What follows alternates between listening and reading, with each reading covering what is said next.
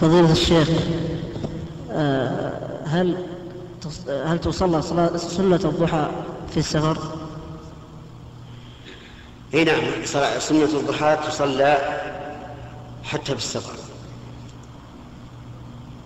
وقد ذكر كثير من العلماء إن صلاة النبي صلى الله عليه وعلى آله وسلم عام الفتح في بيت أم هانئ ثمانية ركعات ضحى قال إن هذه سنة الضحى وقال بعض أهل العلم إن هذه سنة الفتح. وعلى كل حال فسأعطيك قاعدة ينفعك الله بها إن شاء الله. لا يسقط عن عن المسافر من النوافل إلا ثلاثة راتبة الظهر وراتبة المغرب وراتبة العشاء. وما عدا ذلك فهو باق على أصله. فالنوافل المطلقة للإنسان المسافر أن يتنفل بما شاء.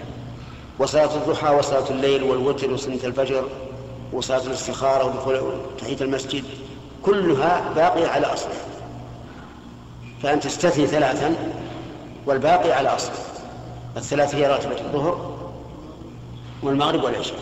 نعم.